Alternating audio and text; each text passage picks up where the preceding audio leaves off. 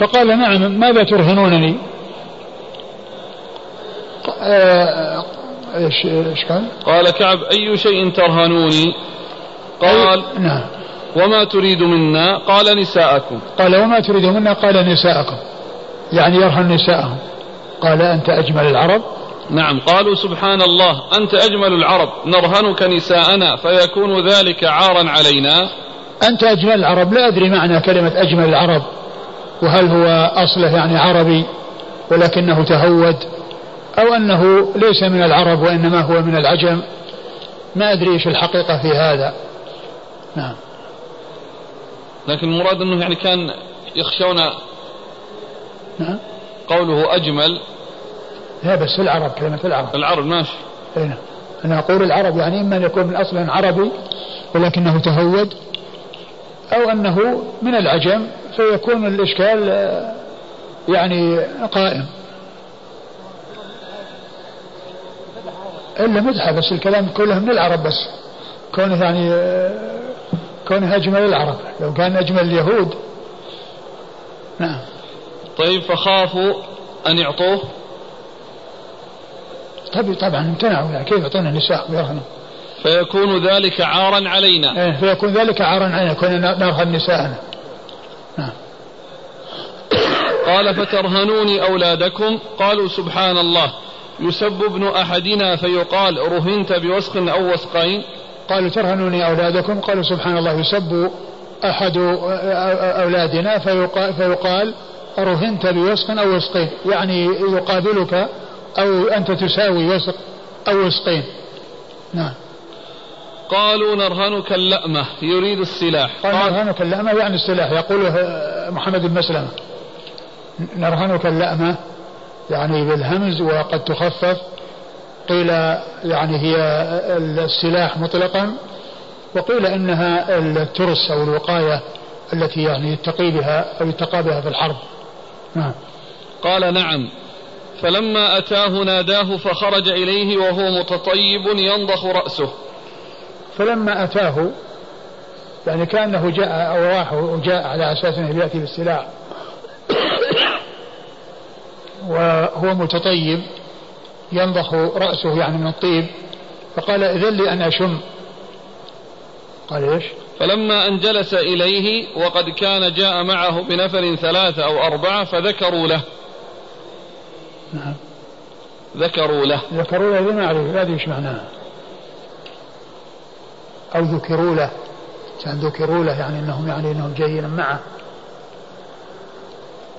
نعم. ذكروا له يعني سألوه من هذا الطيب الكثير اللي فيه. فقال عندي فلانة. هؤلاء جاءوا مع مع محمد بن مسلمة. إيه. إيه. فذكروا له يعني الطيب الذي يفوح منه. ما هذا؟ فقال عندي فلانة وهي أعطر نساء الناس. على كل هو أقول هو إياهم سوا. في شم الطيب إلا كان ما يشم.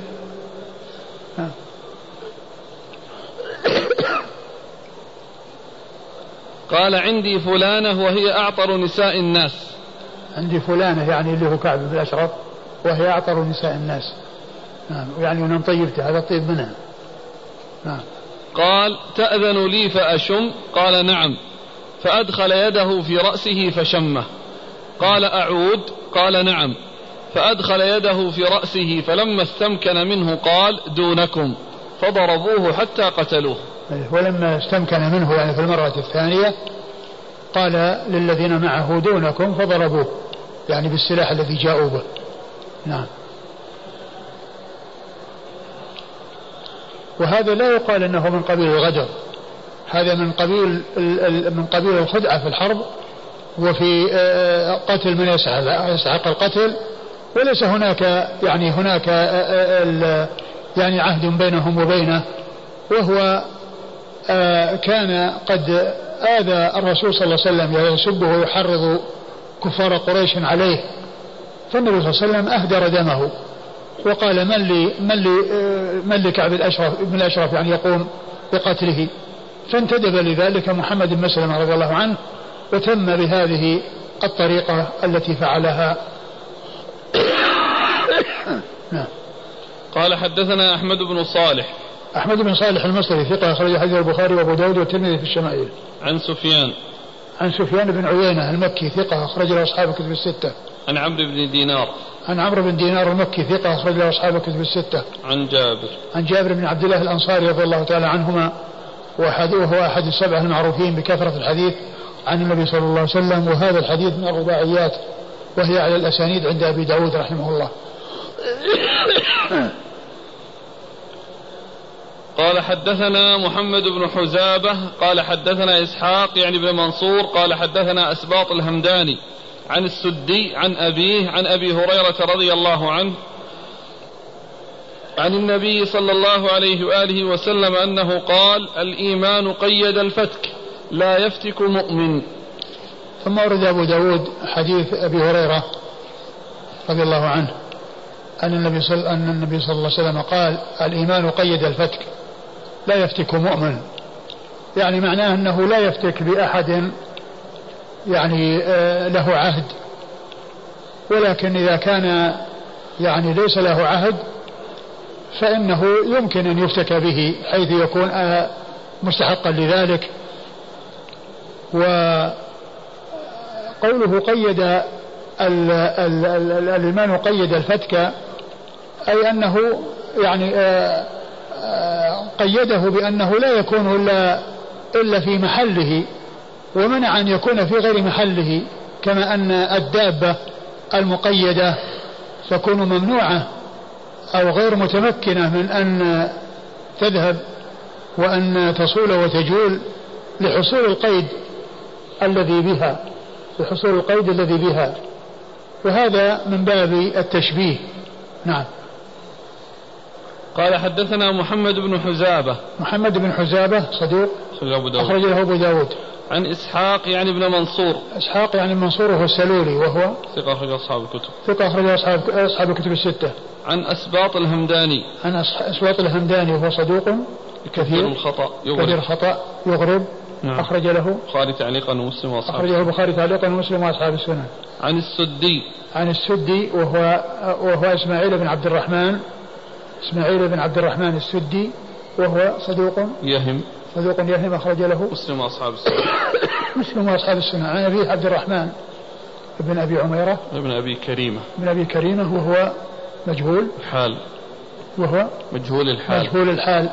أخرج له. أبو داود الترمذي. أبو داود والترمذي. عن أبي هريرة. عن أبي هريرة عبد الرحمن بن صخر الدوسي رضي الله عنه صاحب رسول الله صلى الله عليه وسلم وحديثه وهو أحد السبعة المعروفين بكثرة الحديث عن النبي صلى الله عليه وسلم بل هو أكثرهم على الإطلاق رضي الله عنه وأرضاه. والحديث فيه من هو مجهول الحال ولكن الألباني صححه وحسنه ولعل ذلك للشواهد.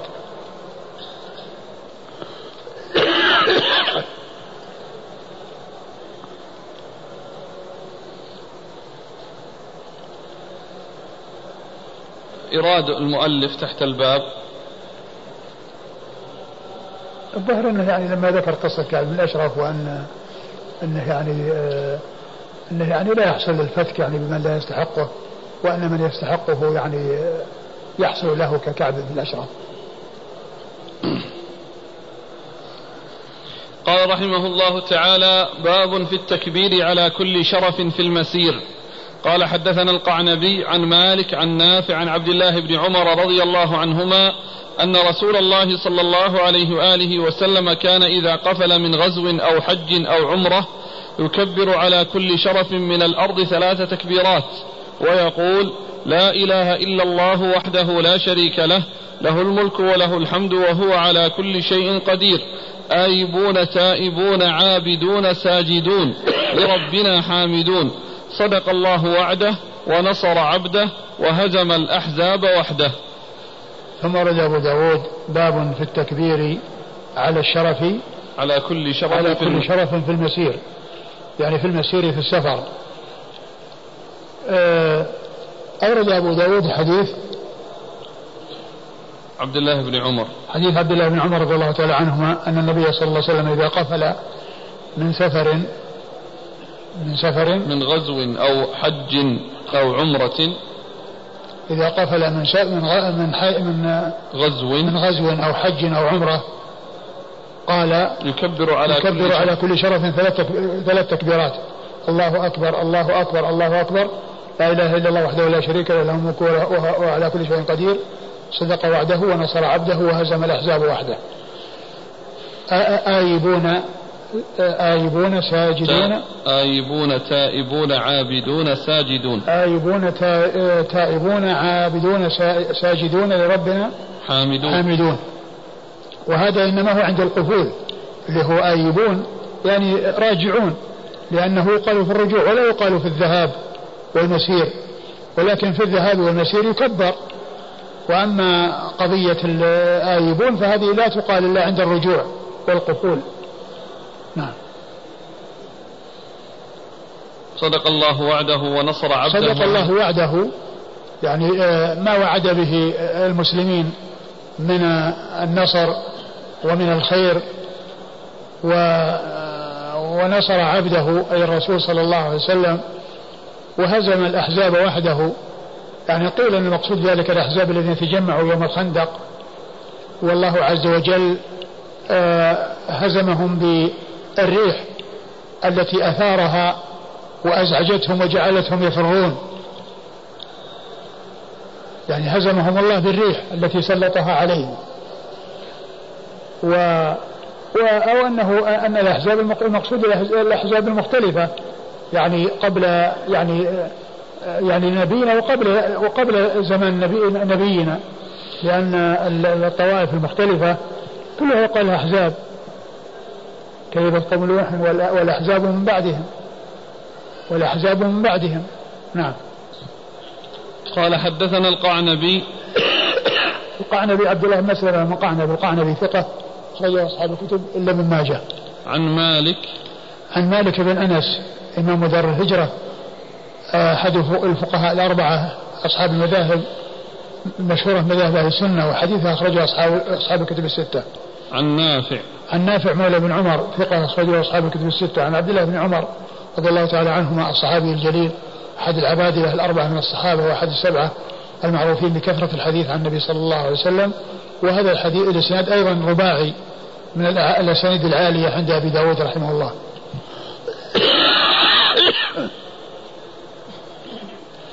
قال رحمه الله تعالى باب في الإذن في القفول بعد النهي.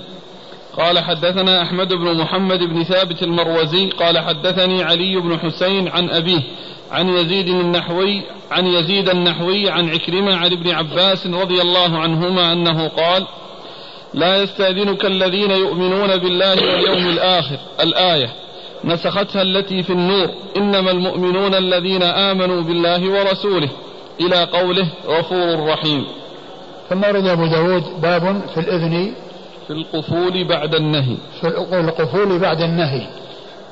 المقصود من ذلك أن أنه حصل يعني النهي يعني فيما يتعلق بالمنافقين وأنه عوتب على ذلك حيث كان يأذن لهم وقال الله عز وجل عفى الله عنك لما أذنت لهم ثم بعد ذلك نسخ ذلك بما في سورة النور في آخرها حيث قال الله عز وجل إنما المؤمنون الذين آمنوا بالله ورسوله وإذا كانوا معه على أمر جامع لم يذهبوا حتى يستأذنوه. ف يعني أنه جاء فيها أمره بالإذن لمن شاء منهم وأن ذلك إليه صلى الله عليه وسلم. فكان ذلك مأذونا فيه وقبل ذلك الذي عوتب عليه هو إذنه للمنافقين. نعم. عن ابن عباس قال لا يستأذنك الذين يؤمنون بالله واليوم الآخر. الآية. نعم. نسختها التي في النور. إنما المؤمنون الذين آمنوا بالله ورسوله. إلى قوله غفور رحيم. كل نسخ. نعم. يعني هو الآن على اعتبار النسخ. ومنهم من قال إنه يعني تقييد وأنه يعني ذاك يعني يحمل على شيء يعني يجمع وهذا يحمل على شيء يعني ذاك في حق المنافقين وهذا في حق المؤمنين. وأبو داود اعتبره نسخ. المراد يعني القفول هنا الإذن في القفول بعد النهي. إيه لأنه من قبل يعني هو نهي يعني عن كونه يأذن لهم أن ينصرفوا أن ينصرفوا وأن يرجعوا يعني بعدما خرجوا معه. أذن لهم. المنافقون ما كانوا يستأذنون قبل الخروج. يأتون النبي صلى الله عليه وسلم. وحتى بعد الخروج. حتى بعد الخروج. يستأذنون قبل الخروج وبعد الخروج. نعم. قال حدثنا أحمد بن محمد بن ثابت المروزي. آه هو صدوق أخرج له. ثقة أخرج له. أبو داود. أبو داود. عن علي بن حسين. عن علي بن حسين بن واقد وهو صدوق يهم. نعم. أخرج له البخاري في المفرد ومسلم في المقدمة البخاري في المفرد ومسلم في المقدمة وأصحاب السنن. عن أبيه. عن ابي حسين بن واقد وهو ثقة له اوهام ثقة له اوهام أخرج حديثه. البخاري تعليقا ومسلم وأصحاب السنن. البخاري تعليقا ومسلم وأصحاب السنن. عن يزيد النحوي. عن يزيد بن بن سعيد. بن أبي سعيد. بن أبي سعيد النحوي وهو ثقة أخرج البخاري في الأدب المفرد وأصحاب السنن. ثقة أخرجه البخاري في الأدب المفرد وأصحاب السنن. عن عكرمة. عن عكرمة هو ابن عباس وهو ثقة أخرج له أصحاب الكتب الستة. عن ابن عن ابن عباس. وقد مر ذكره. قال رحمه الله تعالى باب في بعثة البشراء البشراء قال حدثنا أبو توبة الربيع بن نافع. قال حدثنا عيسى عن إسماعيل عن قيس عن جرير رضي الله عنه. قال قال لي رسول الله صلى الله عليه وآله وسلم ألا تريحني من ذي الخلصة؟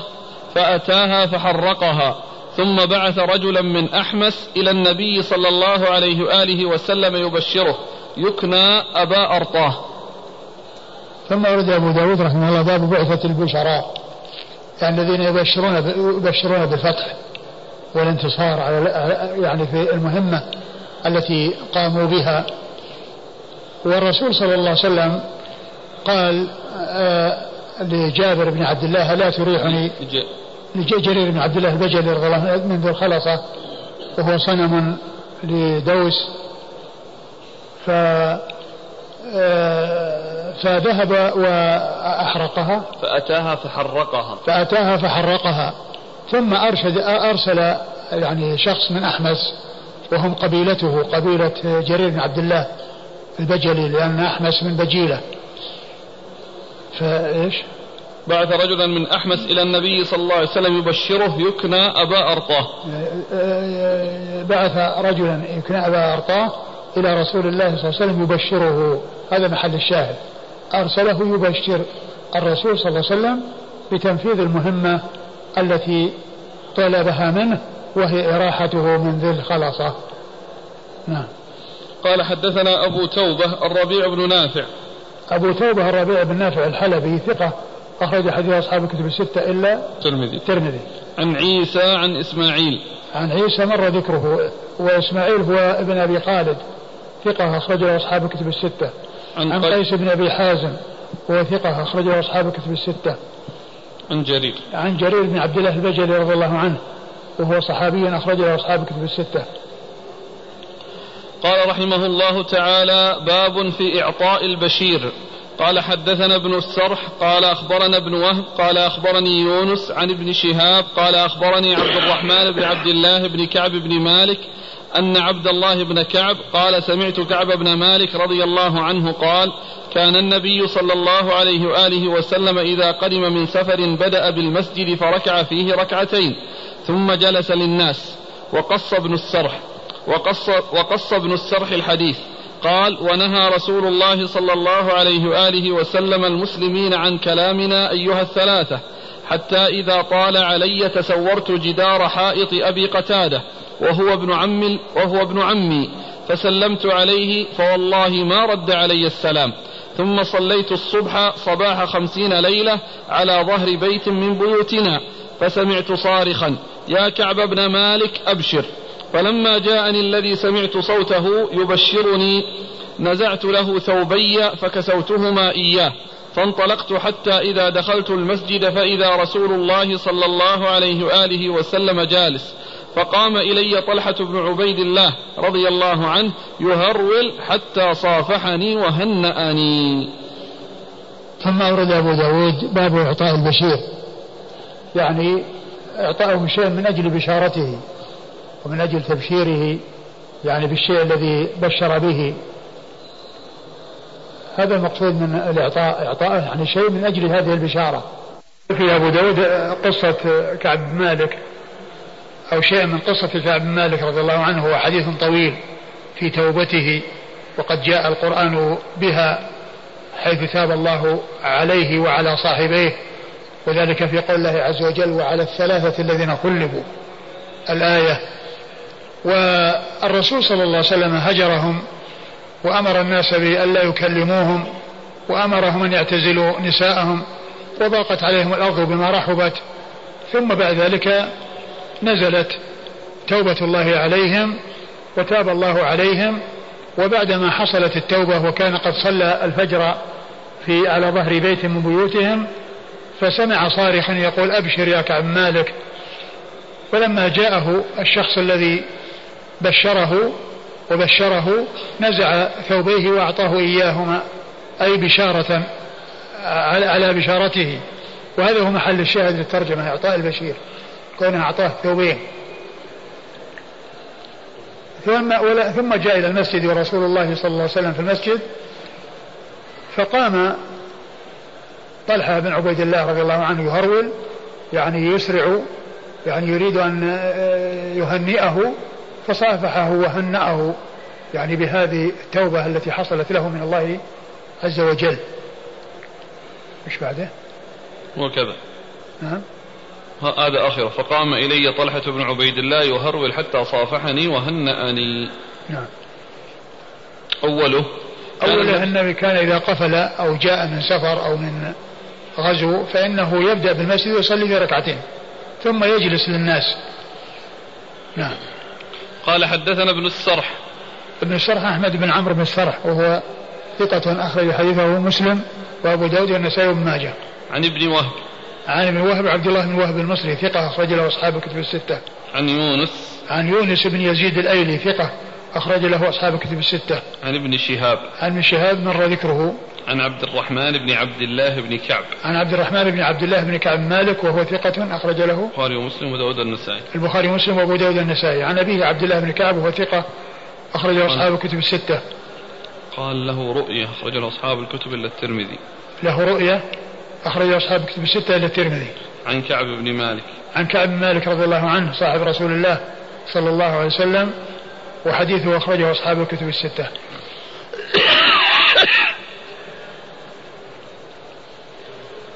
يقول فيه ونهانا رسول الله صلى الله عليه وسلم ونهى رسول الله صلى الله عليه وسلم المسلمين عن كلامنا أيها الثلاثة حتى إذا طال علي تسورت جدار حائط أبي قتادة وهو ابن عمي فسلمت عليه فوالله ما رد علي السلام. تسور الجدار يعني صعد من فوق الجدار يعني ما دخل مع الباب وإنما يعني صعد من فوق السور تسور يعني آه، وصل من فوق السور أو دخل من فوق السور. وجاء إليه وسلم عليه وهو ابن عمه فما رد عليه السلام لأن النبي صلى الله عليه وسلم نهى عن تكليمهم وأمر الناس بهجرهم. نعم. قال رحمه الله تعالى باب في سجود الشكر.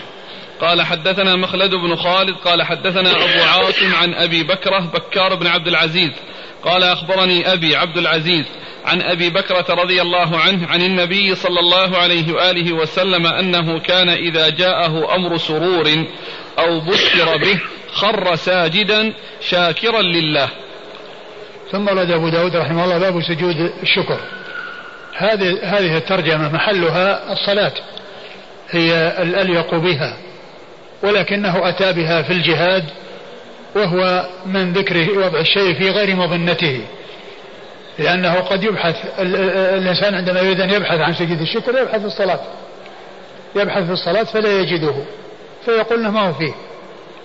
فيقول إنه ليس فيه. يعني ليس عند أبي داود ما يتعلق بسجود الشكر ولكنه ذكره في الجهاد. فهو من ذكر الشيء في غير مظنته.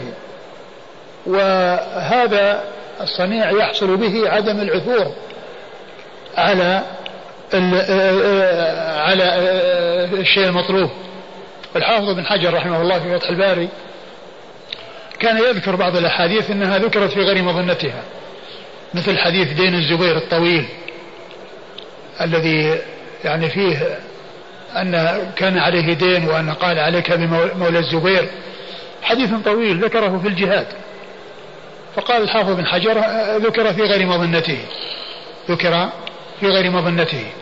فهذا الذي هو سجود الشكر هو ذكر في غير مظنته لأن مظنته الصلاة.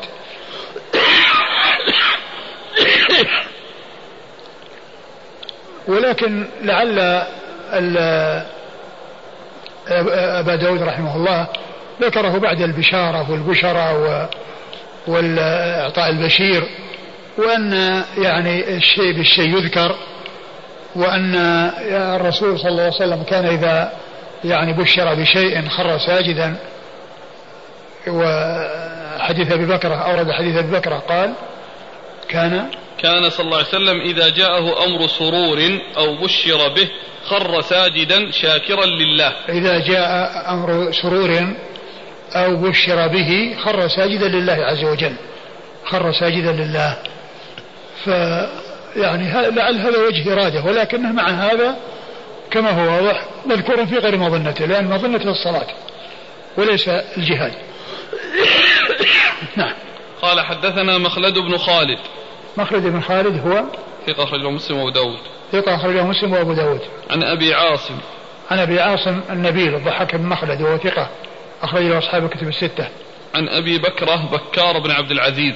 عن أبي بكرة بكار بن عبد العزيز وهو صدوق يهم أخرج البخاري. صدوق يهم أخرج له البخاري تعليقا وأبو داود والترمذي وابن ماجه. البخاري تعليقا وأبو داود والترمذي وابن ماجه. عن أبيه عبد العزيز. عن أبيه عبد العزيز وهو صدوق البخاري تعليقا وأبو داود والترمذي وابن ماجه. صدوق البخاري تعليقا وأبو داود والترمذي وابن ماجه. عن أبي بكرة.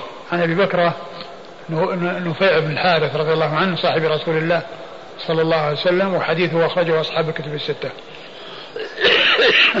ضابط الأمر الذي يسر. والله يعني شيء يعني أول شيء يسر الإنسان يعني له أهمية يعني يسر به الإنسان وليس كل شيء يعني يسره ولو كان تافها يعني ينبغي أن يسجد له وإنما هو في الشيء الذي له أهمية.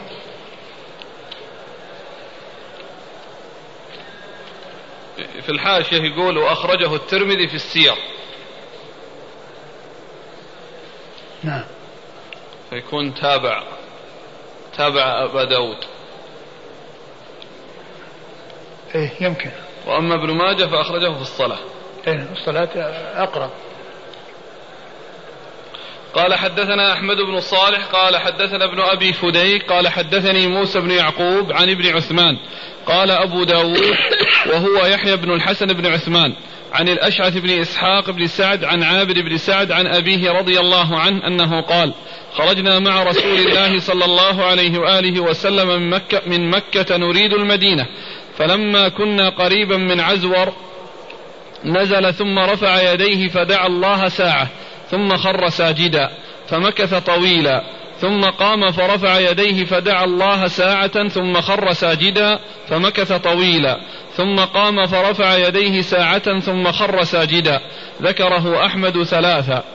قال إني سألت ربي وشفعت لأمتي فأعطاني ثلث أمتي فخرجت ساجدا شكرا لربي ثم رفعت رأسي فسألت ربي لأمتي فأعطاني ثلث أمتي فخررت ساجدا لربي شكرا ثم رفعت رأسي فسألت ربي لأمتي فأعطاني الثلث الآخر فخررت ساجدا لربي.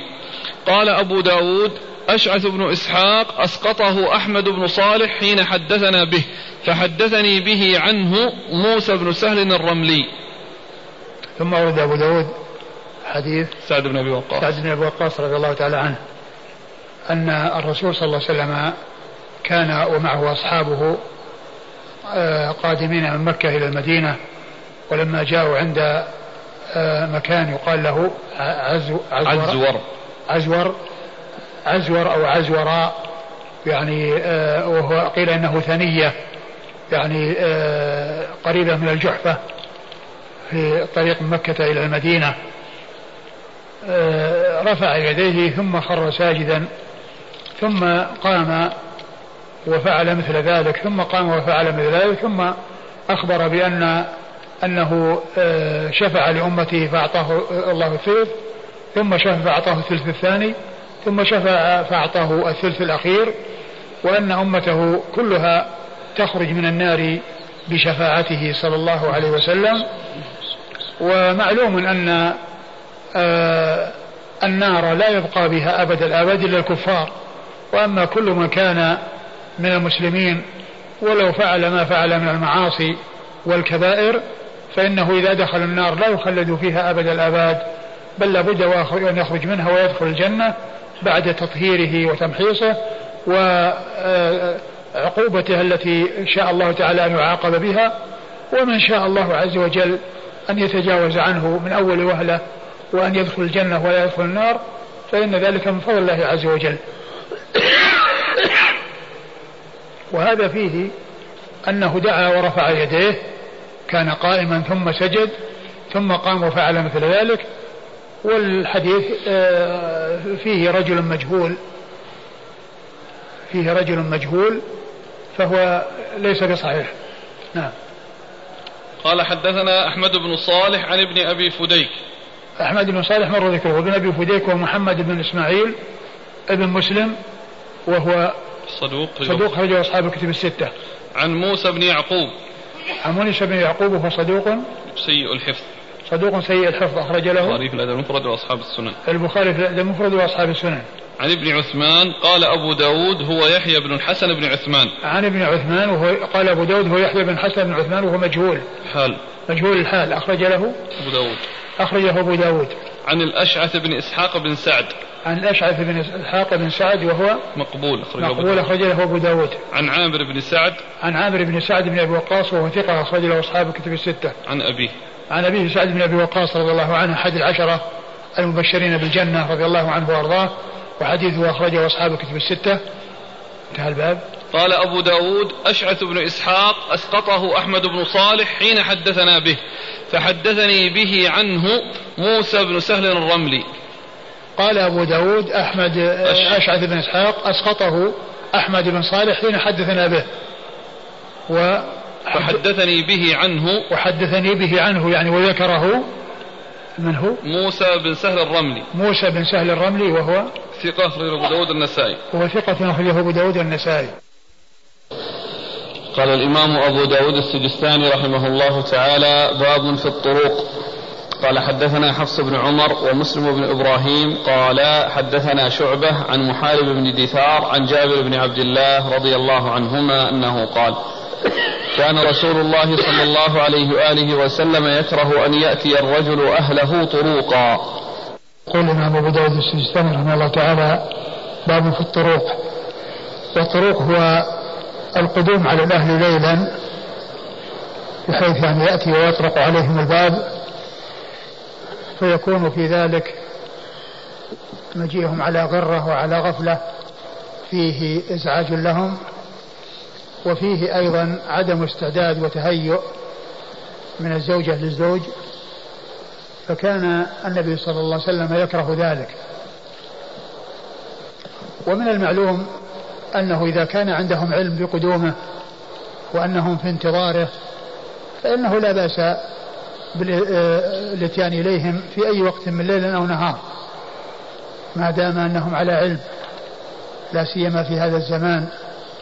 الذي يمكن الاتصال بالأهل وإخبارهم بأنه سيأتي في الوقت الفلاني والطائرة الفلانية التي تقلع في الوقت الفلاني أو يعني السيارة تمشي في الوقت الفلاني فيكون على استعداد. فهذا لا يؤثر إنما الذي يؤثر كون يأتيهم على غرة.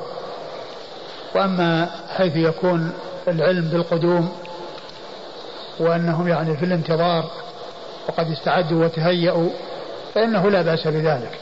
وقد أورد أبو داود حديث جابر بن عبد الله الأنصاري رضي الله تعالى عنهما أن النبي صلى الله عليه وسلم كان يكره أن يأتي الرجل إلى أهله طروقا أي يعني ليلا بحيث يعني يطرق عليهم الباب وهم على غرة وغفلة.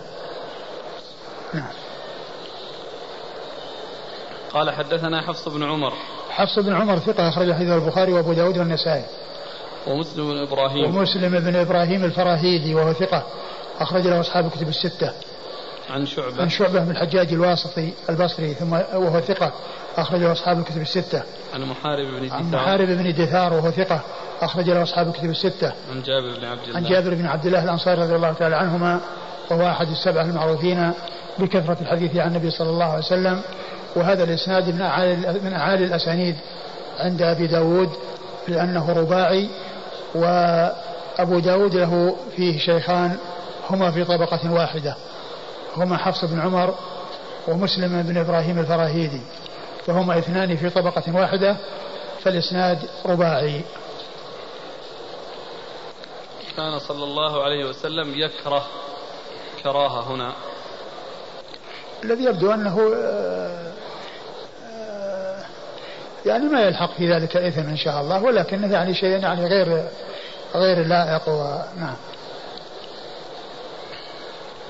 قال حدثنا عثمان بن أبي شيبة قال حدثنا جرير عن مغيرة عن الشعبي عن جابر رضي الله عنه عن النبي صلى الله عليه وآله وسلم أنه قال إن أحسن ما دخل الرجل على أهله إذا قدم من سفر أول الليل. ثم ورد أبو داود حديث جابر. حديث جابر بن عبد الله.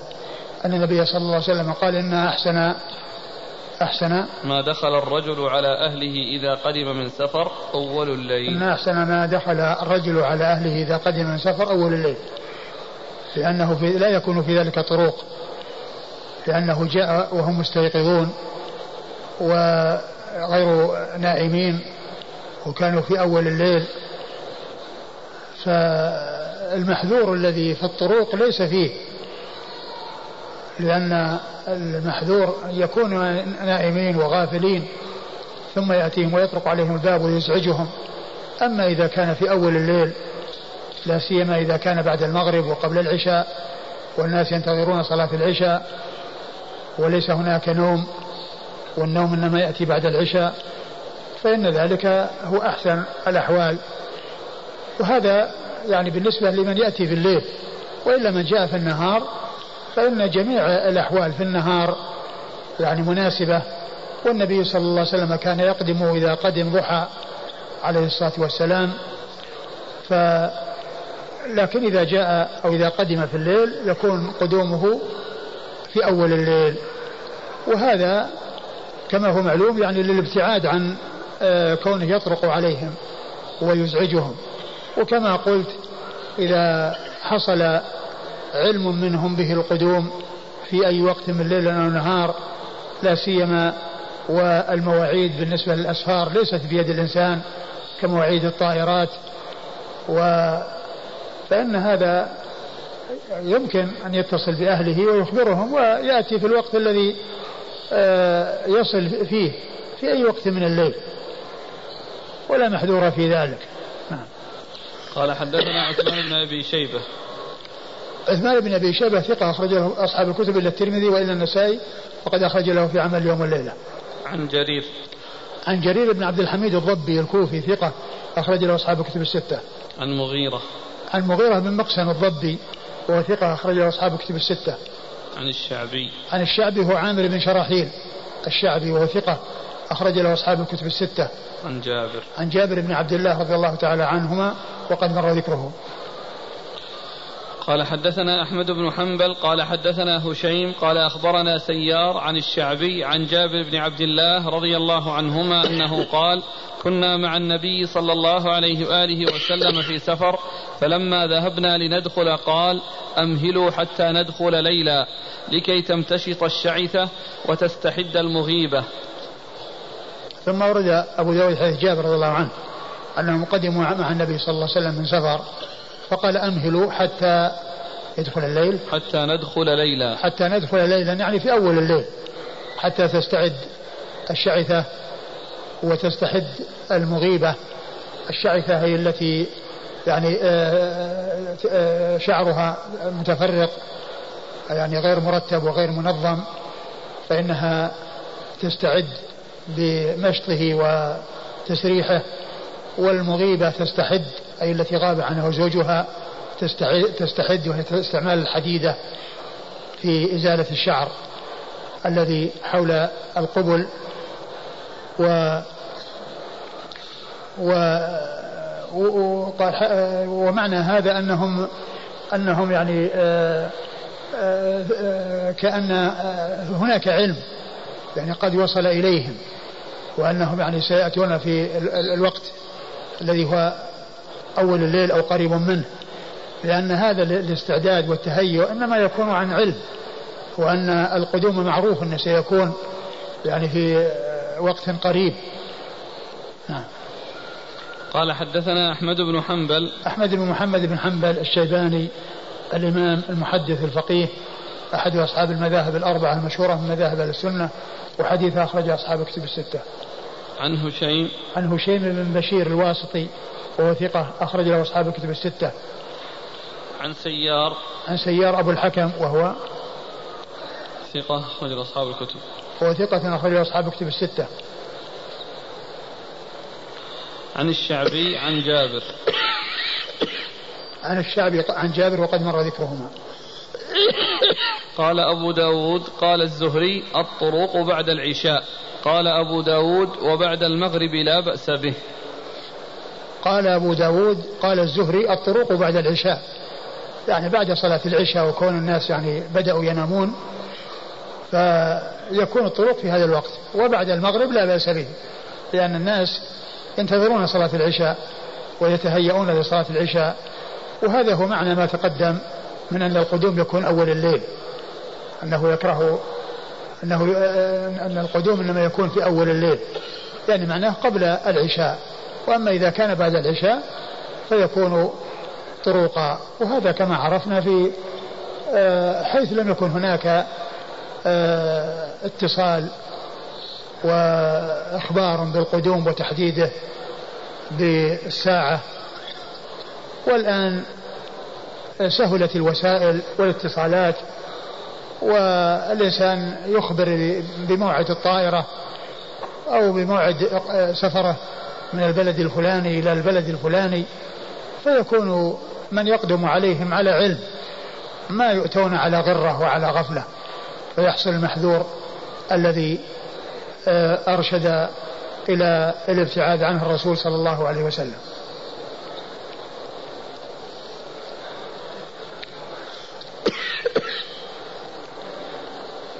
هل هل جاء أن النهي مقيد بمن يتخون أهله؟ ما أعلم يعني شيء في هذا لكن الأمر لا يتقيد بهذا. لا يتقيد بهذا. هذا مثل ما قال الرسول تستعد تستحد المغيبة والطرق فيه إزعاج. وليس الأمر مقصور على يعني من يتخون أهله. فالأمر في ذلك واسع. كل يعني عليه أن يكون كذلك.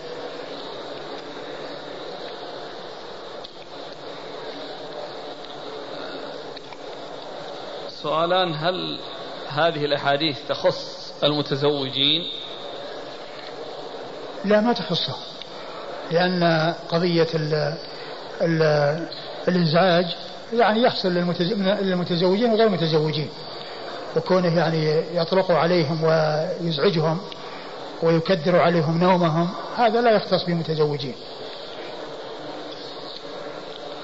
قال رحمه الله تعالى باب في التلقي.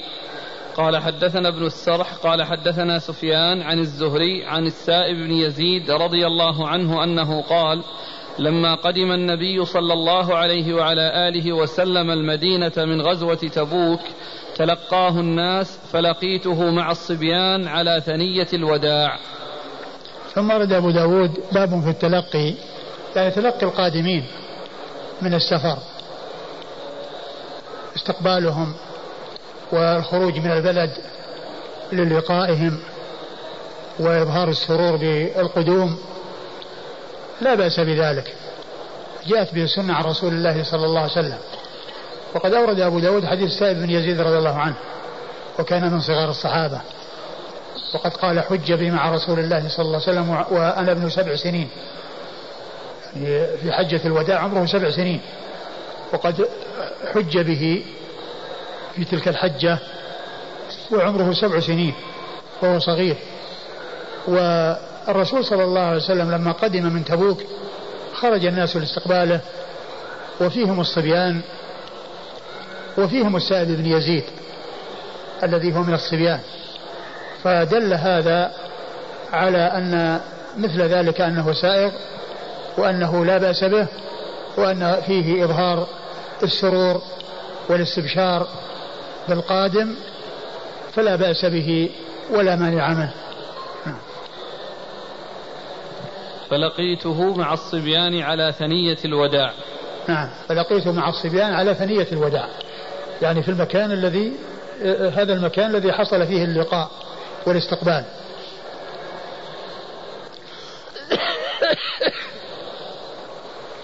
قال حدثنا ابن السرح. ابن السرح أحمد بن محمد أحمد بن محمد بن عمرو. أحمد بن عمرو. أحمد بن عمرو بن السرح. وهو ثقة أخرج حديثه مسلم وأبو داود والترمذي والنسائي والنسائي وابن ماجه. مسلم وأبو داود والنسائي وابن ماجه. عن سفيان. عن سفيان وهو بن عيينة المكي وهو ثقة. أخرج له أصحاب الكتب الستة. عن الزهري. عن الزهري محمد بن مسلم بن عبيد الله بن شهاب الزهري ثقة أخرج له أصحاب الكتب الستة. عن السائب بن يزيد. عن السائب بن يزيد رضي الله تعالى عنه وحديثه أخرجه أصحاب الكتب الستة.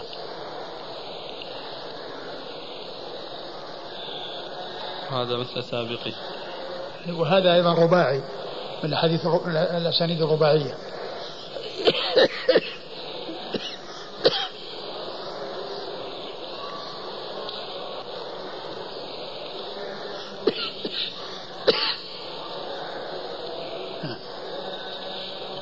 قال رحمه الله تعالى باب فيما يستحب من انفاذ الزاد في الغزو إذا قفل. قال حدثنا موسى بن إسماعيل قال حدثنا حماد قال أخبرنا ثابت البناني عن أنس بن مالك رضي الله عنه أن فتى من أسلم قال يا رسول الله إني أريد الجهاد وليس لي مال أتجهز به. قال اذهب إلى فلان الأنصاري فإنه كان قد تجهز فمرض. فقل له إن رسول الله صلى الله عليه وآله وسلم يقرئك السلام. وقل له ادفع ما ما تجهزت به. فأتاه فقال له ذلك فقال لامرأته يا فلانة ادفعي له ما جهزت ما جهزتني به. ما جهز جهزتني. ما جهزتني به. ولا تحبسني منه شيئا. نعم. فوالله لا تحبسين منه شيئا فيبارك الله فيه. ثم ورد أبو داود هذه الترجمة. باب ما يستحب, يستحب من أنفاذ الزاد إذا في الغزو إذا قفل. باب ما يستحب من إنفاذ الزاد في الغزو إذا قفل. هذه الترجمة ظاهرها أن المقصود منها أن الإنسان عندما يقفل أنه يستنفد زادة ولا يعني يقلل على نفسه لأنه إذا كان مسافرا وقد بدأ بالسفر يمكن أن يقلل على نفسه يخشى أن ينقضي زادة. ينقضي زاده ولكنه إذا رجع ما بقي هناك وقت يحتاج معه إلى التقليل يحتاج معه إلى التقليل فيستفيد منه.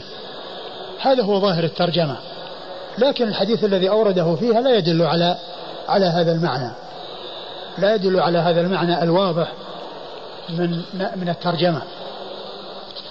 وإنما أورد فيه أبو داود رحمه الله حديث أنس. حديث أنس بن مالك رضي الله عنه أن رجلا من أسلم أو فتى من أسلم جاء إلى النبي صلى الله عليه وسلم وهو ليس معه شيء يتجهز به للغزو فقال اذهب إلى فلان وأقرئه السلام وقل إن رسول وقل إن رسول الله يامرك بأن تدفع إليه الذي جهزت به نفسك لأنه كان مريضا لا يستطيع أن يسافر. قد استعد للسفر وتهيأ وأعد الزاد الذي يسافر به فمرض فلم يتمكن فذهب إليه وأبلغه بالذي أرشده إليه الرسول الكريم صلى الله عليه وسلم. فقال لامرأته أعطيه كل شيء جهزتني به كل شيء أعددتيه لي لأسافر به أعطيه إياه كله. فإن ولا تمنعني ولا تمنعي منه شيئا ف فوالله لا تحبسين منه شيئا فيبارك الله فيه. فوالله لا تحبسين منه شيئا فيبارك الله فيه. يعني لا يكون في بركة. وقد أمر النبي صلى الله عليه وسلم بإعطائه إياه. فلا تبقي منه شيئا ولا تتركي منه شيئا. هذا هو الحديث الذي أورده أبو داود تحت الترجمة.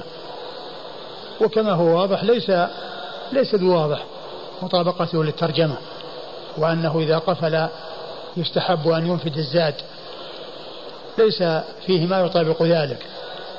ولكن يمكن أن يقال أنه إذا كان الإنسان يعني سأل واحتاج إلى أن يسأل وهو في إنشاء السفر وفي ابتداء الغزو فكذلك إذا قفل وكان بحاجة إلى الزاد ونفد زاده وليس معه شيء فإنه من باب أولى أن يسأل. من باب أولى أن يسأل. إذا ساغ له أن يسأل في البداية مع أنه معذور ويمكن أن يبقى و فكونه يسأل في النهاية وقد قفل وقد نفد الزاد وقل ما بيده أو نفد ما بيده فكونه يسأل لا بأس بذلك. لكن الترجمة كما هو واضح يعني ليست واضحة على يعني ما جاء في الحديث وإنما معناها الواضح كما أشرت وهو أنه عند القفول آه، لا يحتاج الناس إلى أن يضيقوا على أنفسهم ويقللوا على أنفسهم خشية أن ينفذ الزاد لأن هذا يمكن أن يكون في البداية وأما في النهاية وأما في النهاية فالأمر ليس كذلك. نعم. قل أخونا ما معنى قفل؟ قفل يعني رجع انصرف. انصرف. القفول هو الرجوع. القفول هو الرجوع من السفر.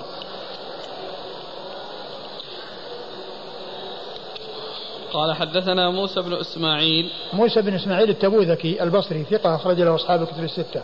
عن حماد عن حماد بن سلمة وهو ثقة أخرجه البخاري تعليقا ومسلم وأصحاب السنن. عن ثابت عن ثابت بن أسلم البناني وهو ثقة أخرج له أصحاب الكتب الستة. عن أنس عن أنس رضي الله عنه وقد مر ذكره وهذا الإسناد أيضا من الأسانيد العالية عند أبي داود التي هي الرباعيات.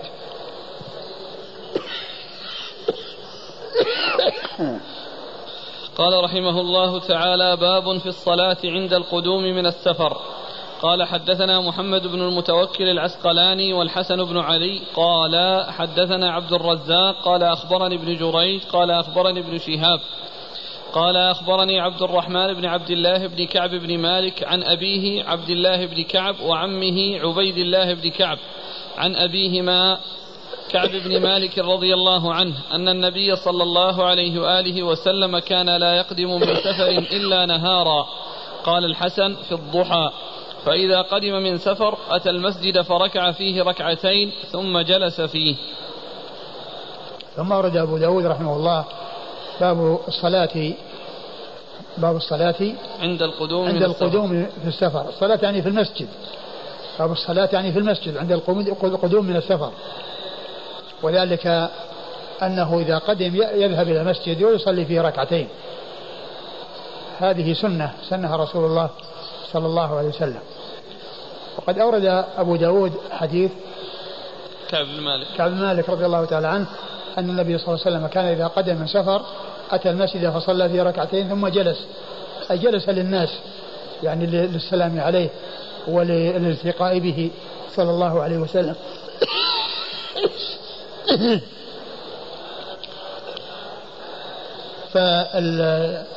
فالحديث يدل على ما ترجمه المصنف من استحباب ذلك. وأن ذلك سنة سنها رسول الله صلى الله عليه وسلم. نعم.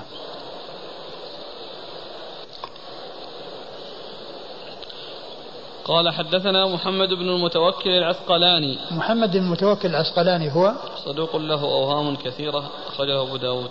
صدوق له أوهام كثيرة أخرج له أبو داود. والحسن بن علي. يعني ومعه في الإسناد الحسن بن علي الحلواني وهو ثقة أخرج له أصحاب الكتب الستة إلا النسائي. عن عبد الرزاق. عن عبد الرزاق بن همام الصنعاني اليماني ثقة أخرج له أصحاب الكتب الستة. عن ابن جريج. عن ابن جريج عبد الملك بن عبد العزيز بن جريج المكي ثقة أخرج له أصحاب الكتب الستة. عن ابن شهاب عن, عن ابن شهاب مر ذكره. عن عبد الرحمن بن عبد الله بن كعب بن مالك. عبد الرحمن بن عبد الله بن كعب بن مالك وهو ثقة أخرج له البخاري. ومسلم وأبو داود النسائي البخاري ومسلم وأبو داود النسائي عن أبيه. عن أبيه عبد الله بن كعب. وهو ثقة أخرج له أصحاب كتب الستة إلا الترمذي. إلا الترمذي. قال له رؤية. و... نعم. له رؤية. وأخوه عبيد الله هو ثقة أخرج البخاري ومسلم وأبو داود النسائي ثقة أخرجه البخاري ومسلم وأبو داود النسائي عن كعب بن مالك رضي الله تعالى عنه صاحب رسول الله صلى الله عليه وسلم وحديثه أخرجه أصحاب الكتب الستة. هل صلاة ركعتين بعد القدوم من سفر سنة أم خاص بالنبي صلى الله عليه وسلم لأنه يجلس للناس في المسجد؟ لا سنة. أقول سنة. كون الرسول صلى الله عليه وسلم يأتي للمسجد ويصلي في ركعتين هذا ليس خاص لأن الخصوصية آه، لا يصار إليها إلا لوجود دليل يدل عليها. كون هذا من خصائصه. وحيث لا يكون كذلك فإن الحكم للجميع ولا يختص بالنبي صلى الله عليه وسلم ثم أيضا كون الإنسان يأتي المسجد ويصلي في ركعتين يعني فيه تقوية الصلة بالله عز وجل وكون الإنسان أول شيء يعني يحصل منه في البلد دخول المسجد الذي هو خير البقاع وأفضل البقاع وأحب البقاع إلى الله عز وجل نعم. قال حدثنا محمد بن منصور الطوسي قال حدثنا يعقوب قال حدثنا أبي عن ابن, عن ابن إسحاق قال حدثني نافع عن ابن عمر رضي الله عنهما أن رسول الله صلى الله عليه وآله وسلم حين أقبل من حجته دخل المدينة فأناخ على باب مسجده ثم دخله فركع فيه ركعتين ثم انصرف إلى بيته. قال نافع فكان ابن عمر رضي الله عنهما كذلك يصنع. ثم ورد أبو داود حديث عبد الله بن عمر رضي الله تعالى عنهما أن النبي صلى الله عليه وسلم لما قدم من حجة الوداع أناخ عند المسجد ودخل وصلى فيه ركعتين ثم ذهب إلى بيته وكان عبد الله بن عمر رضي الله عنه كذلك يصنع اقتداء برسول الله صلى الله عليه وسلم. نعم. قال حدثنا محمد بن منصور الطوسي. محمد بن منصور الطوسي ثقة أخرج له أبو داود والنسائي. أبو داود والنسائي. عن يعقوب. عن يعقوب بن إبراهيم بن سعد وهو ثقة أخرجه أصحاب كتب الستة. عن أبيه. عن أبيه هو إبراهيم بن سعد ثقة أخرجه أصحاب كتب الستة. عن ابن إسحاق. عن ابن إسحاق محمد بن إسحاق المدني صدوق أخرجه البخاري تعليقا ومسلم وأصحاب السنن. عن نافع. عن نافع مولى بن عمر وهو ثقة أخرج له أصحاب الكتب الستة. عن ابن عمر. عن ابن عمر عبد الله بن عمر بن الخطاب رضي الله تعالى عنهما أحد العباد الأربعة من الصحابة وأحد السبعة المعروفين بكثرة الحديث عن النبي صلى الله عليه وسلم.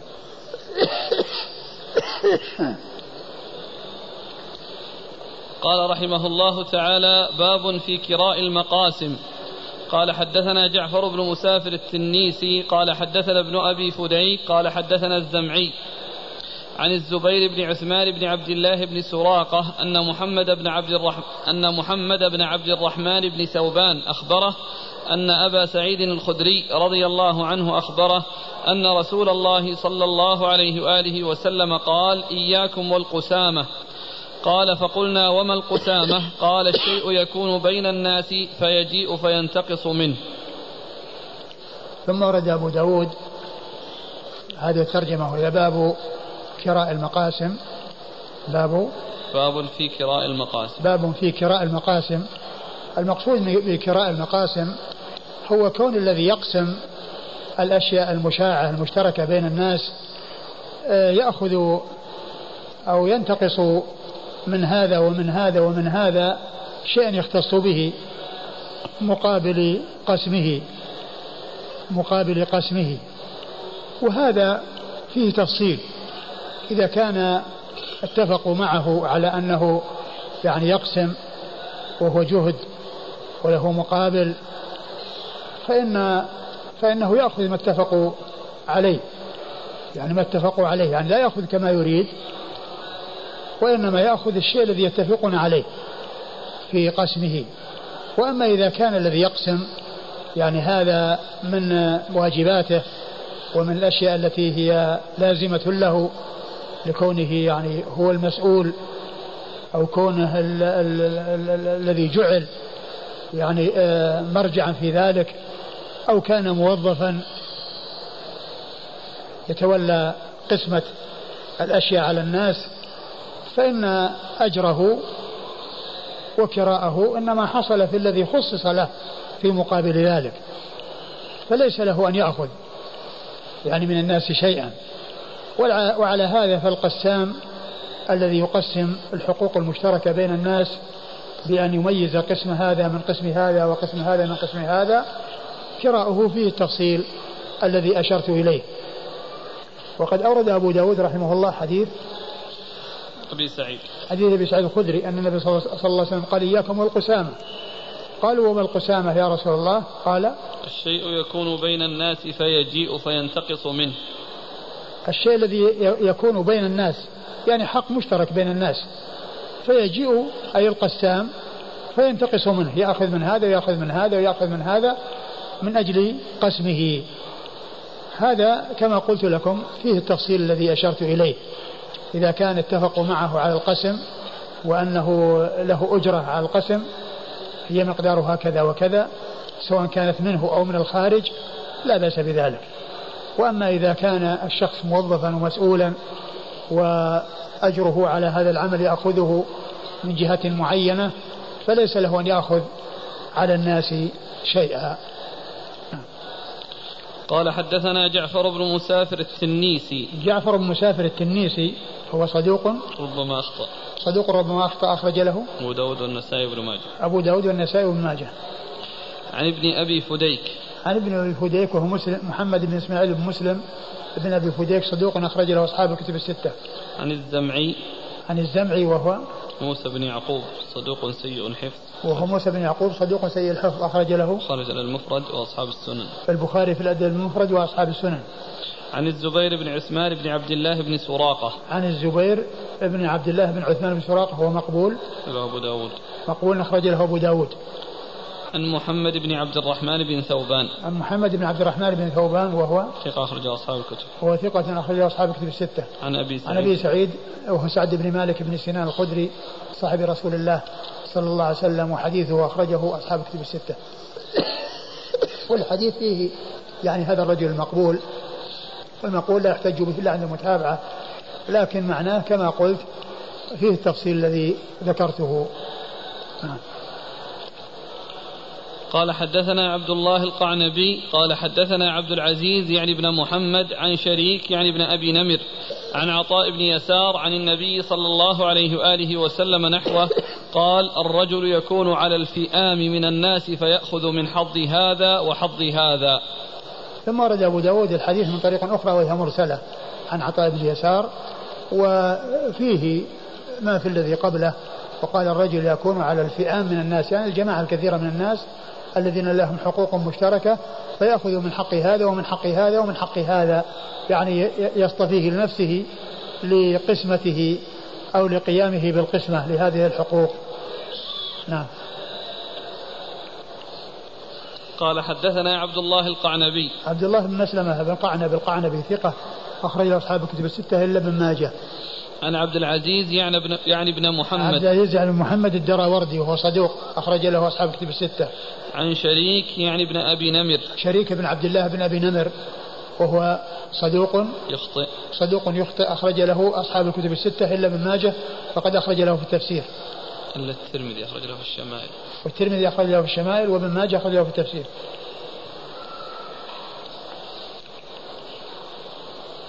عن عطاء بن يسار.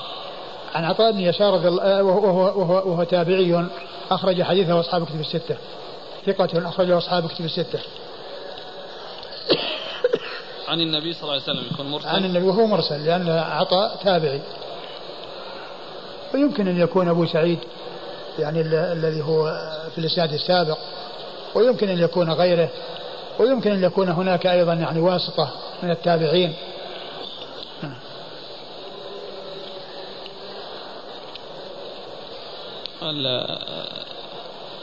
ابن ماجه في التفسير. هذه أنت ذكرتم ابن شريك. إيه. ابن ماجه في التفسير. بس فقط؟ الترمذي ما أخرج له. لا في الشمال بس أنا أسأل لأنه في التقريب الآن في الأصل في السنن قاف. هل وقفتم على شيء آخر أو؟ لا. ما في في التقريب فاقاف لا. ها؟ قاف قاف. قاف فقط؟ نعم. بدون فاء؟ بدون. إيه. إذا أنا واه يعني كيف؟ من أخرج له؟ أصحاب الكتب الستة إلا الترمذي في الشمال إلا الترمذي في الشمائل. نعم.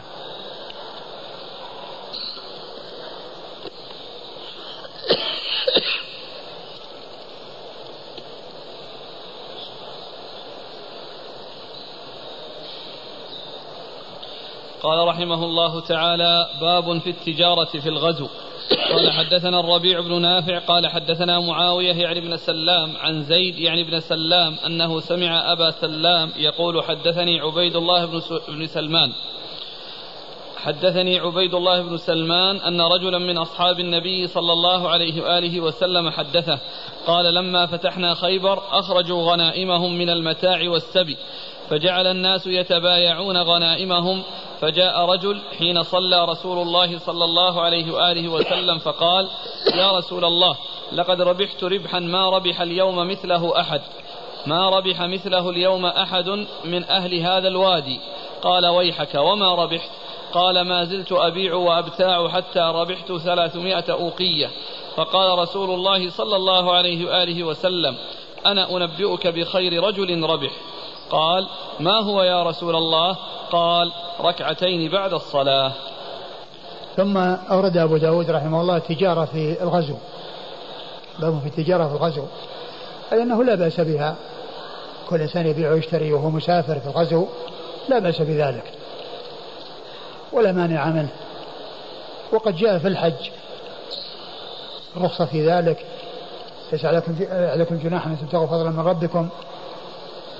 والحج عبادة والغزو عبادة وكل منهما لا بأس في التجارة فيه. وقد أورد أبو داود حديث يعني فيه ضعف في عن عن عن رجل من أصحاب النبي صلى الله عليه وسلم أن رجلا جاء إلى النبي صلى الله عليه وسلم وقال يا رسول الله أنني ربحت قال إيش؟ قال لما فتحنا خيبر أخرجوا غنائمهم من المتاع والسبي فجعل الناس يتبايعون غنائمهم. فجاء رجل حين صلى رسول الله صلى الله عليه وآله وسلم فقال يا رسول الله لقد ربحت ربحا ما ربح اليوم مثله أحد من أهل هذا الوادي. ثم أورد أبو داود حديث رجل من أصحاب النبي صلى الله عليه وسلم أن النبي أن الناس لما فتح الله لهم خيبر وأخذوا الغنائم من المتاع والسبي صاروا يتبايعون. يعني بعد أن قسمت الغنائم وكل أعرف ما يستحقه.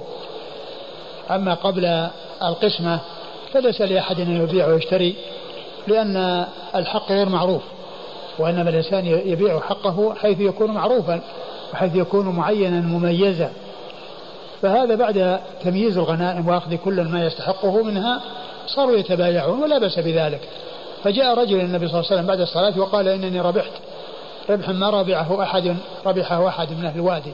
يعني هؤلاء الذين يعني آه، منتشرين في الوادي والذين هم الجيش الذين كانوا مع النبي صلى الله عليه وسلم. فقال أنبئك أنبئك. أنا أنبئك بخير رجل ربح. قال ما هو يا رسول الله؟ قال ركعتين بعد الصلاة. قال أنا أنبئك بخير رجل قد ربح. قال ما هو, ما هو؟ قال ركعتين قبل الصلاة. بعد. بعد الصلاة. يعني كونه يركع ركعتين بعد الصلاة هذا هو الربح الحقيقي ربح الآخرة. المقصود به ربح الآخرة. وأن ربح الدنيا يعني ليس بشيء عند ربح الآخرة وأمام ربح الآخرة. فالحديث يدل على جواز التجارة والبيع والشراء. ويدل على فضل العبادة وتجارة الآخرة وأن تجارة الآخرة أعظم وأهم وهي التي ينبغي أن يفرح بها وأن يحرص عليها لأن لأنها تجارة آه، آه، يعني نتائجها يعني مستمرة وباقية بخلاف تجارة الدنيا فإنها يعني إما تذهب منه أو يذهب هو عنها.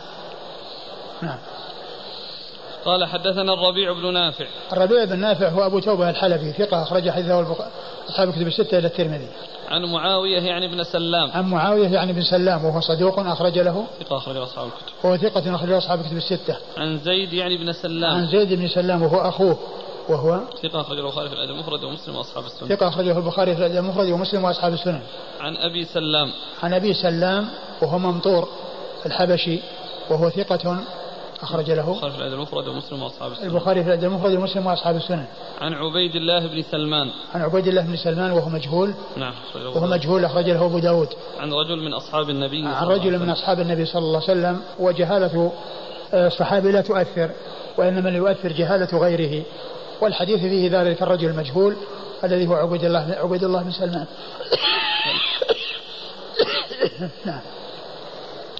لكن معناه صحيح. يعني الجواز الأصل هو الجواز ولا يقال بالمنع إلا لدليل وقد جاء ما يدل على آه، ال- ال- التجارة في يعني آه، الحج وهو شبيه به نعم. قال رحمه الله تعالى باب في حمل السلاح إلى أرض العدو قال حدثنا مسدد قال حدثنا عيسى بن يونس قال أخبرني أبي عن أبي إسحاق عن ذي الجوشن رضي الله عنه رجل من الضباب. قال أتيت النبي صلى الله عليه وآله وسلم بعد أن فرغ من أهل بدر بابن فرس لي يقال له القرحاء. فقلت يا محمد إني قد جئتك بابن القرحاء لتتخذه. قال لا حاجة لي فيه وإن شئت أن أقيضك به المختارة من دروع بدر فعلت. قلت ما كنت أقيضه اليوم بغرة. قال فلا حاجة لي فيه. ثم ورد أبو داود باب في حمل السلاح إلى أرض العدو. نعم. باب في حمل السلاح إلى أرض العدو.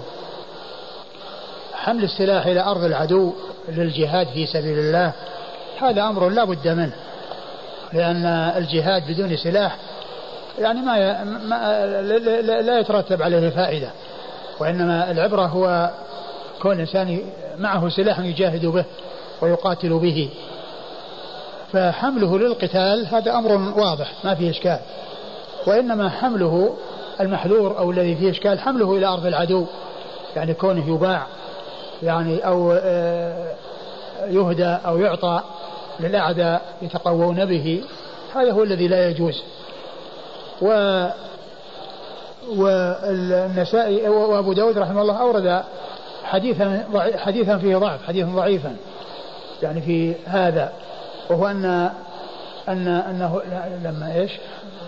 يقول ذي الجوشن رجل من الضباب قال أتيت النبي صلى الله عليه وسلم بعد أن فرغ من أهل بدر بابن فرس لي يقال له القرحاء يعني ذو الجوشن هذا رجل جاء إلى النبي صلى الله عليه وسلم قبل أن يسلم وقد أسلم بعد ذلك فأتاه.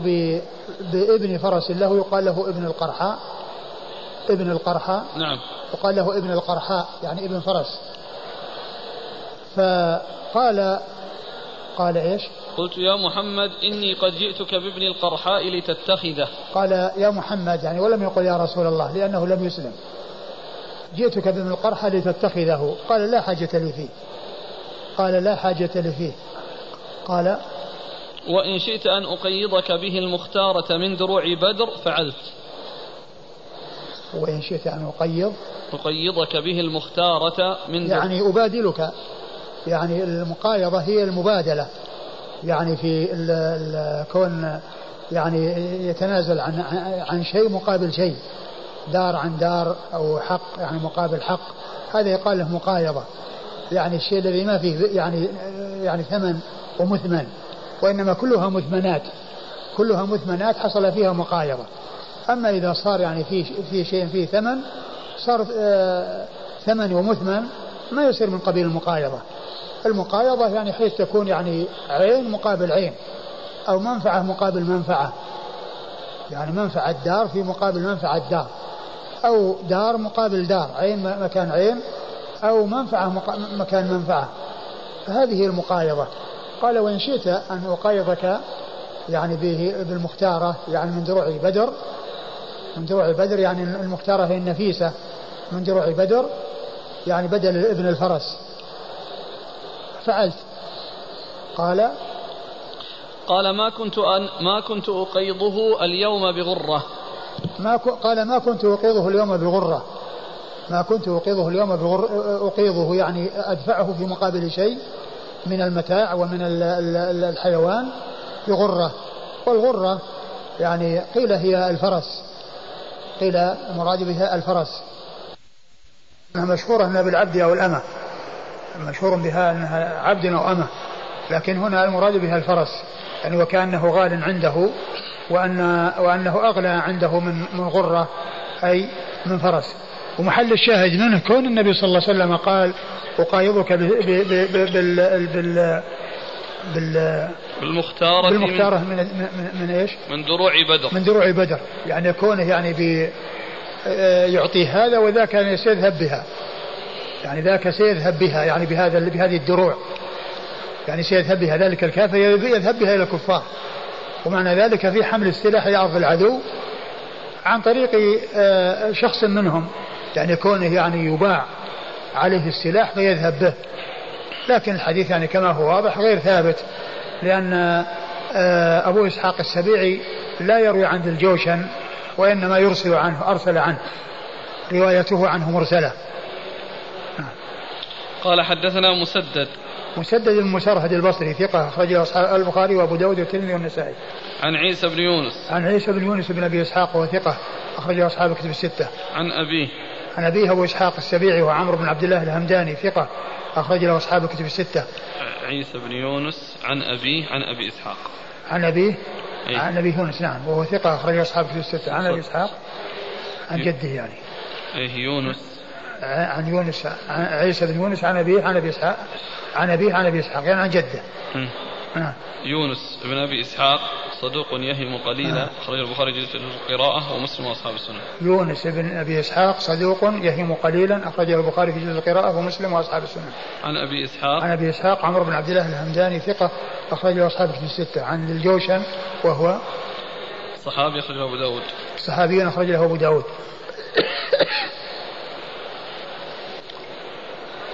وهذا فيه رواية الراوي يعني تحمله في حال كفره وتأديته في حال إسلامه. تأديته في حال إسلامه. وهذا مثل حديث هرقل حديث أبو سفيان في قصة هرقل ويعني كونه تحمل وأخبر عن ما في كتاب رسول الله صلى الله عليه وسلم الذي قرأ على على على عظيم الروم. وكان ذلك في حال كفره فكان يحدث بذلك في حال إسلامه ولهذا فرواية الراوي وتحمله في حال كفره وتأديته في حال الإسلام لا بأس بذلك. كما أن الصغير يتحمل في حال صغره ويؤدي في حال كبره لا بأس بذلك. لكن الحديث ضعيف. نعم. قال رحمه الله تعالى باب في الإقامة بأرض الشرك. قال حدثنا محمد بن داود بن سفيان قال حدثنا يحيى بن حسان قال أخبرنا سليمان بن موسى أبو داود قال حدثنا جعفر بن سعد بن سمرة بن جندب قال حدثني خبيب بن سليمان عن أبيه سليمان بن سمرة عن سمرة بن جندب رضي الله عنه أما بعد قال رسول الله صلى الله عليه وآله وسلم من جامع المشرك وسكن معه فإنه مثله. ثم أورد أبو داود حديث هذه الترجمة باب الإقامة في بلد الشرك. بأرض الشرك. الإقامة في أرض الشرك.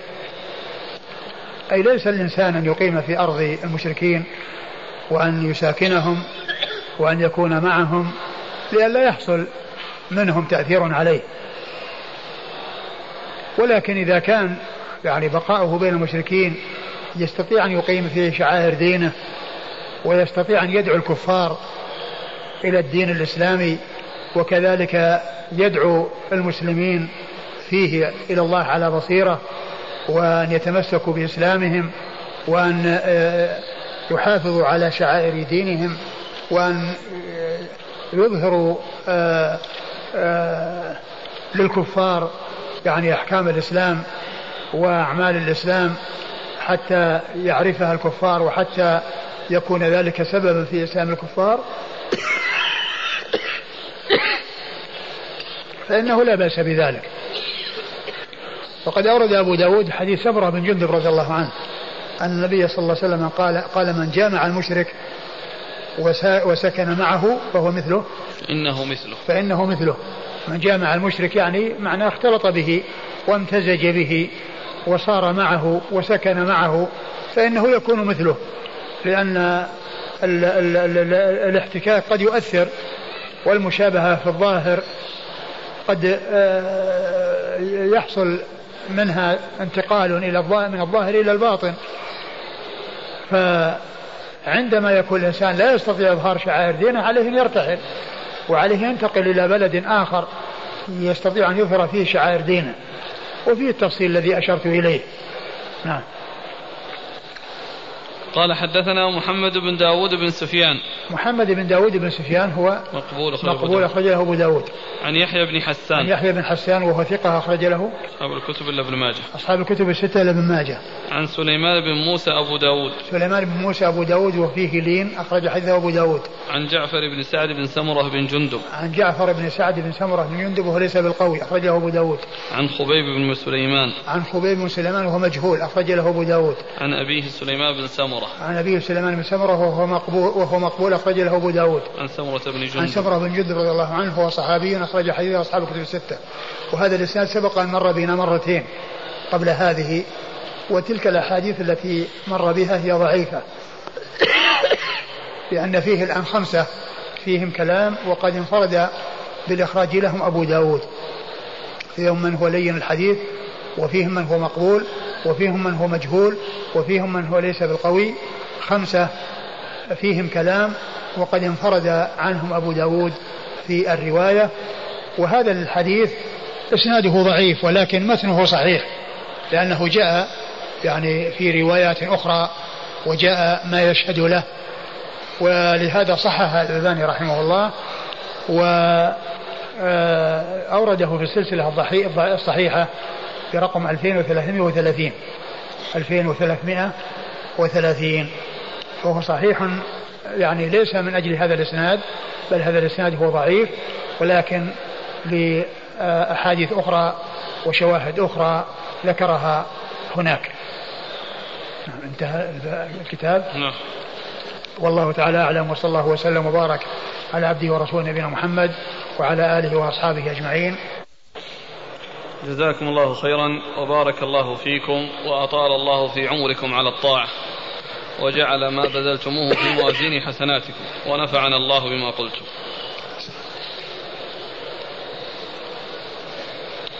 اليوم الإخوان كأنهم يشعرون أن الوقت للأسئلة سيكون طويلا فأكثروا علينا فأعاننا الله وإياكم.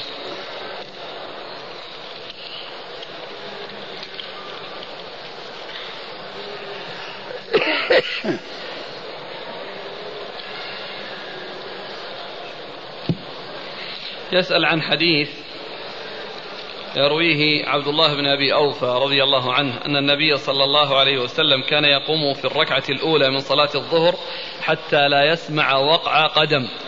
فيقول ما معنى وقع قدم؟ وقع القدم يعني حركة المشي. الإنسان اذا اذا إذا صار يمشي يعني آه، حركه قدمه وهو يمشي هذا هو وقع القدم. يعني معناه أن الناس قد تكاملوا. قد تكاملوا ودخلوا. نعم. من سافر إلى بلد ونوى أن يجلس فيه عددا من السنين للدراسة فهل يتم الصلاة أو يقصر؟ يجب عليه أن يتم الصلاة لأنه لا يعتبر مسافرا السفر الذي يكون فيه مشقة بل هو مثل الحاضرين ومثل المقيمين ليس ليس عليه نصب ولا ولا مشقة.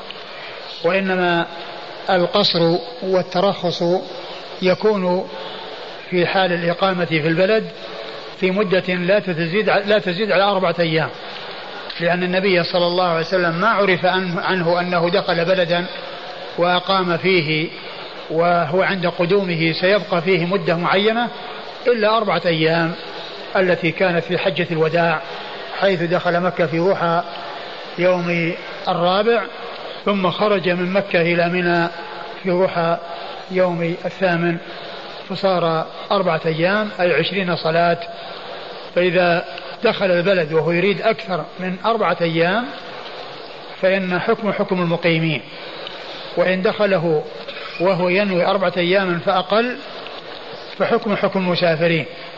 وإذا دخله وهو لا ينوي مدة معينة وإنما يريد أن يقضي حاجة وحاجته كل يوم يقول تنتهي فهذا لو طالت عليه المدة فإنه آه، يترخص برخص السفر.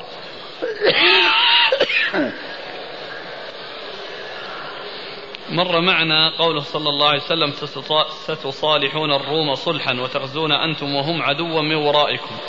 فما معنى عدوا من ورائكم؟ عدو مشترك. يكون بينكم وبين الروم عدو لكم وعدو للروم. ومن ورائكم يحتمل أن يكون أمامكم ويحتمل أن يكون قدامكم أو أن يكون وراءكم. يحتمل أن يكون قدامكم ويحتمل أن يكون وراءكم. لأنه يعني يأتي فيه هذا وهذا. هل يجوز للرجل أن يتزوج زوجة ابنه من الرضاعة؟ ليس له ذلك. ليس له ذلك وهذا قول جمهور العلماء. وقد ذكره ابن كثير في تفسيره عند قوله حلال وابنائكم الذين من أصلابكم وقال إن قوله الذين من أصلابكم يخرج الإبن بالتبني ولا يخرج الإبن من الرضاعة ولا يخرج الإبن من الرضاعة وإنما يخرج الإبن بالتبني فقط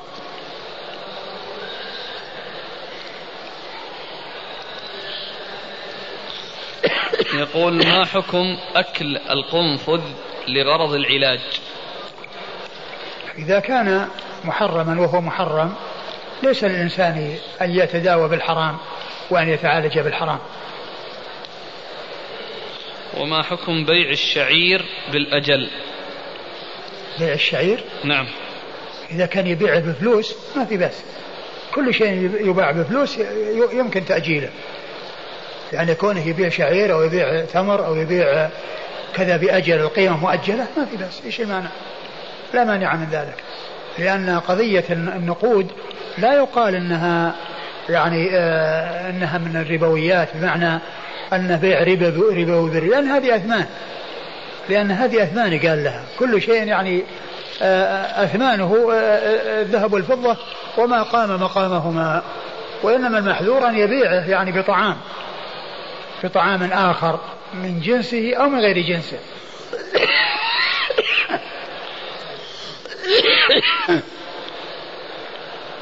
ما حكم استعمال اللولب؟ اللولب الذي تستعمله النساء من أجل يعني تأخير الولادة إذا كان من أجل التأخير لا بأس به إذا كان هناك مشقة في توالي الولادة وأنها تضعه لوقت معين. ثم ترفعه. أما آه، وضع شيء يعني يقطع النسل ويمنع الحمل يعني آه، مطلقة هذا لا يجوز. آه، سبق أن سئلتم عن مسح الوجه باليدين بعد الدعاء.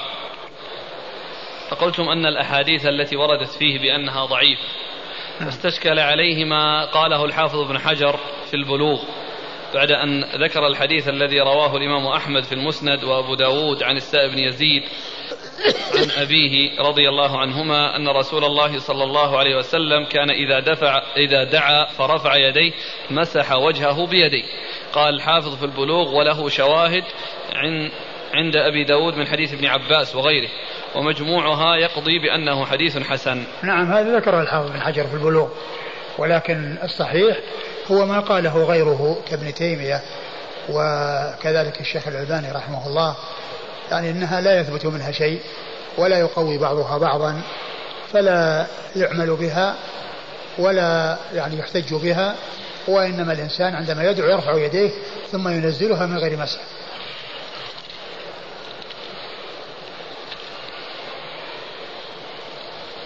هل يجوز شد الرحل من أجل الاعتكاف في غير المساجد الثلاثة؟ ليس الإنسان ليس الإنسان أن يشد الرحل للاعتكاف في غير المساجد الثلاثة. ذكرتم في درس ماض جواز اغتيال زعماء الكفار إذا كانوا إذا كان يشكى منهم ضرر على المسلمين. فهل هذا على إطلاقه أم هو خاص بحال الحرب؟ زعماء الكفار الذين يحصل منهم ضرر على المسلمين وإيذاء للمسلمين آه، إذا أمكن التخلص منهم بدون ما يحصل ضرر أكبر لا بأس به. أقول لا مانع منه. ومعلوم أن أنه أنه في حال الحرب وفي حال يعني هذا لا شك أن الأمر فيه واضح. ولكن يعني في غير حال الحرب إذا كان الضرر يعني موجود يعني بحيث يعني بعض الزعماء من الكفار يعني يحصل منهم آذاء شديد للمسلمين. فإذا تمكن من القضاء عليه من غير ما يحصل الضرر أكبر لا بأس بذلك. في حديث السائب بن يزيد أنه لقي النبي صلى الله عليه وسلم لما قدم معلوم أن قصة كعب بن الأشرف التي مرت ليست فيها حرب. ما كان فيها حرب. أقول ليست في حرب وإنما الرجل كان يسب الرسول صلى الله عليه وسلم ويؤذي الرسول فالرسول يعني أهدر دمه وقال من لي بكعب كعب بن الأشرف. نعم. أنه لقي السائب بن يزيد النبي صلى الله عليه وسلم لما قدم من غزوة تبوك على ثنية الوداع يقول أليس فيه دليل أن ثنية الوداع من جهة الشمال؟ وبيان خطأ النشيد المعروف طلع البدر علينا عندما قدم من مكة. الحديث هذا دليل واضح على أن ثنية الوداع من جهة الشمال.